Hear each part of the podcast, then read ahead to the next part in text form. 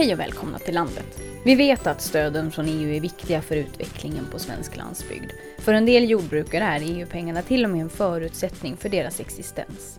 Men i samband med att EU lägger ny budget så passar de på att ändra en del regler lite grann. Och snart ska EU-kommissionen meddela hur de vill att de här stöden ska fungera i nästa budgetperiod. Vilka skillnader blir det jämfört med idag och hur kan det påverka det svenska jordbruket och de svenska landsbygderna? För att försöka reda ut det här så tar vi hjälp av tre experter som spekulerar utifrån de signaler som kommer från Bryssel just nu. Sofia Björnsson, du är expert på jordbrukspolitik och landsbygdsutveckling hos LRF och också ordförande i Landsbygdsnätverkets arbetsgrupp för gröna näringar. Välkommen! Tack så mycket. Harald Svensson, du är ordförande i Landsbygdsnätverket och ställföreträdande generaldirektör hos Jordbruksverket. Ja, stämmer det. Och så har vi Staffan Nilsson här också. Du har ju varit med förut i podden, du är ordförande för Hela Sverige ska leva. Så kan det vara. Ni har ju alla tre bra insyn i arbetet med att eh, förbereda EUs framtida jordbruks och landsbygdspolitik. Vad är det som är på gång egentligen? Det är ju så att jordbrukspolitiken har ju varit ett rörligt mål hela tiden egentligen och förändrats eh, med ganska stor regelbundenhet och eh, naturligtvis kommit närmare också en marknadsanpassning. Men samtidigt är det ju ett väldigt osäkert läge eftersom vi har en, eh, ett, eh, litet, en ö som ska lämna unionen där borta på kusten. Eh, och det gör ju att budgetläget är ju väldigt osäkert. Vad blir det för resultat? Och vem ska betala? Och vad kostar det? Men nu håller man alltså på och diskuterar hit och dit och, och sådär. Vad vet ni hittills? Vad funderar de på att förändra? Ja, det var ju ett, ett meddelande som kom i november där kommissionen skisserar den framtida politiken och sen ska ju detta då tas vidare och man ska göra lagstiftningsförslag av det här. Några saker som de pekade på i det här meddelandet var till exempel att man tycker att medlemsländerna ska få en större egen rörelsefrihet. Man kallar ju det för en ökad subsidiaritet. Alltså att eh, medlemsländerna själva ska inrätta olika åtgärder i större omfattning än vad man har kunnat göra hittills. Man får bestämma mer själv? Man får bestämma mer själv helt enkelt. Ja. Och det ger ju eh, intressanta vyer framöver att man ska kunna anpassa åtgärder mer efter de lokala förhållandena. Men samtidigt så finns det ju kanske en baksida också på detta att eh, är jordbrukspolitiken gemensam om vi har en stor rörelsefrihet på nationell nivå. För att jordbruket är ju trots allt med på en inre marknad. Och då krävs det ju konkurrensneutralitet också mellan länderna. För landsbygdsprogrammet så är vi ju vana vid den här så kallade subsidiariteten. Där har ju, sätter ju EU-regelverket någon form av en ram för vad man får göra. Men sen är det till väldigt hög grad upp till medlemsländerna själva att bestämma vad man vill fylla politiken med. Men för de så kallade direktstöden som är gårdsstöd, förgröningsstöd och så vidare. Där, där har EU-politiken och EU-regelverket varit mer begränsande så för medlemsländernas egen beslutande rätt om hur man vill genomföra politiken. Det har jag suttit och funderat lite på just den biten idag. Att uh, man lägger in alltihopa i ett gemensamt mm. program. Både direktstöd och landsbygdspolitiken. Jag tror på många sätt att det kan bli ganska bra. För då tvingas myndigheterna när man utformar politiken verkligen tänka på helheten. För det har varit lite jag ska inte vara elak och säga stuprör, men, men ändå lite sådana tendenser när man har beslutat om hur man ska genomföra politiken. Och nu, nu blir det mer, man får se alltihopa som en helhet och det tror jag kan vara positivt. Men sen är det den stora politiska frågan just eh, hur mycket pengar hit eller dit och hur det ska... Men jag håller med dig Sofia att det kan kanske vara bra. Men den stora frågan är ju hur mycket pengar har man tillgängliga? För det är klart att det finns dels inslag i det jordbrukets eh, betalningar som man inte klarar sig utan vissa områden. Så är det ju. Så är det absolut. Och när man läser EU-kommissionens meddelande som kom i, i november förra året så eh, man kan väl säga som så att man vill väldigt mycket med politiken och det finns stora förväntningar på vad politiken ska åstadkomma när det gäller jordbrukets konkurrenskraft men också kring eh, miljöfrågor, klimat, bioenergi, innovation, landsbygdsutveckling eh, och unga lantbrukare, rådgivning. Den här listan på vad man vill åstadkomma kan bli hur lång som helst. Eh, och man tar ju inte alls höjd i det här meddelandet från november att det finns risk för en minskad budget. Eh, och det, det, förstår jag att man gör, man kan inte riktigt det för det är så pass osäkert. Men eh, jag kan känna att redan idag så finns det lite orimliga förväntningar på vad mm. landsbygdsprogrammet ska kunna leverera. Och det kanske blir ännu mer så framöver med hela jordbrukspolitiken CAP. Och frågan är ju hur mycket ändringar man ska göra inför varje ny sjuårsperiod. Vi har ju nätt och jämnt satt igång det hittillsvarande landsbygdsprogrammet och den nuvarande budgetperioden. Trots det så har vi kommit halvvägs in i programperioden. Och ska vi nu göra stora förändringar inför 2021 Ja det är klart att då sätter vi igång en ny apparat med stödmottagarna, alltså jordbrukare och landsbygdsföretagare. De ska lära sig helt nya regelverk. Eh, administrationen ska sätta igång en ny implementering. Och detta är ju arbeten i sig som är väldigt stora. Vi ska nog inte negligera då att eh, det är en anpassningsperiod även för de som är stödmottagare till nya förutsättningar. Ja, det har ju varit besvärligt eh, för för både de som är berörda och för er som myndighet naturligtvis. Och det finns väl ett stort krav på att förändringar ska göras på det sättet att det kräver nya system, för det vore förödande. Och då så måste man ge medlemsländerna tid att kunna implementera det man verkligen beslutar om. Sen hoppas jag naturligtvis om hela Sverige ska leva att att vi också får ett starkt och bra effektivt landsbygdsprogram. Även om det väldigt hänger ihop med också vilken jordbrukspolitik man kommer att föra. Om man ska försöka bena ut det här så finns det finns några farhågor och, och lite förhoppningar. Men om vi försöker liksom summera det då. Vad skulle kunna bli bättre? Det är helt enkelt att Ja, nej men från min sida, vill du börja? Ja, nej, det, det, spelar ingen roll vem som börjar. Det som, det som i så fall är en förbättring, kan bli en förbättring det är att, eh, att eh, åtgärder kan utformas mera på lokal nivå, alltså på nationell nivå. Så att det, det stora gårdsstödet nu ska kunna inrättas på olika sätt efter de behov som finns i respektive del utav EU. Det tycker jag är, det är en förhoppning. Sen så kan man då Eh, se risker i detta, nämligen att man gör ett ännu mer komplicerat system än vad det är idag. Och det tycker jag absolut att vi ska försöka undvika. Håll hellre fast vid det vi har idag än att hitta på nya saker som kan bli ännu mer besvärliga att hantera. Både för stödmottagarna och för myndigheterna. Så det är egentligen den stora fördelen som, som man ser, det, det skulle kunna vara att, att det blir lite mer anpassat efter varje enskilt land. Och Då är det, det beroende på den politiska viljan som kan skifta vart fjärde år. Det finns ju en risk eh, med att man eh, förändrar då den politiska bild, vad vi, vad vi vill uppnå. Då blir naturligtvis de övergripande målsättningar som EU sätter upp väldigt viktiga. Och att kommissionen granskar. För att den risken som du har att själv nämner, det är ju störningar på en inre marknad. Mm. Från LRFs sida eh, så försöker vi ha en så positiv inställning till meddelandet som möjligt. Men samtidigt så vet vi ju att djävulen sitter i detaljerna också.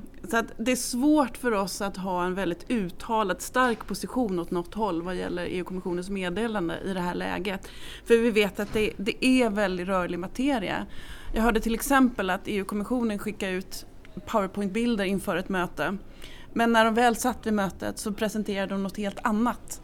För att de håller fortfarande på att försöka förstå, eller komma överens om vad de ska skriva. Jag höll på att säga förstå vad de har skrivit men det var kanske lite elakt sagt. Men, men att de inom kommissionen ska komma fram till en bra modell. Och det är både positivt och negativt för det ger oss som organisation en möjlighet att framföra åsikter, det var möjlighet att påverka. Men samtidigt är det svårt för man vet inte riktigt vad man ska ha åsikter kring. Jag tror dock att ett element i meddelandet kan bli positivt och det är att man vill ha ett starkt resultatfokus. Och om man lyckas övertyga revisorer, eh, framförallt på EU-nivå men också nationellt, om att mer titta på de övergripande resultaten och hur åtgärder har uppfyller olika mål istället för att detaljgranska. Då, då tror jag att man kan uppnå eh, tydliga förenklingar och det utan att det ska behöva äventyra effektiviteten i politiken eller riskera att betala ut felaktiga pengar.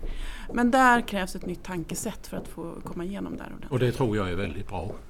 Men det finns en inbyggd fara i detta och det är att man har alldeles för mycket stress i att ta fram resultatindikatorer. Vi vet att det tar jättelång tid från det att man gör någonting till att det får en effekt i samhället. Och, uh, vi får alltså inte ha för bråttom för att uh, konstatera vilka resultat som politiken ger. Sen ska ju rådet in och rodda i detta och även Europaparlamentet. Så menar, kommissionen är en sak och det finns både kunskap och förmodligen uh, vilja men det är klart att medlemsländernas 27 ska också komma överens och Europaparlamentet ska in i bilden också. Så att det här är rörlig materia.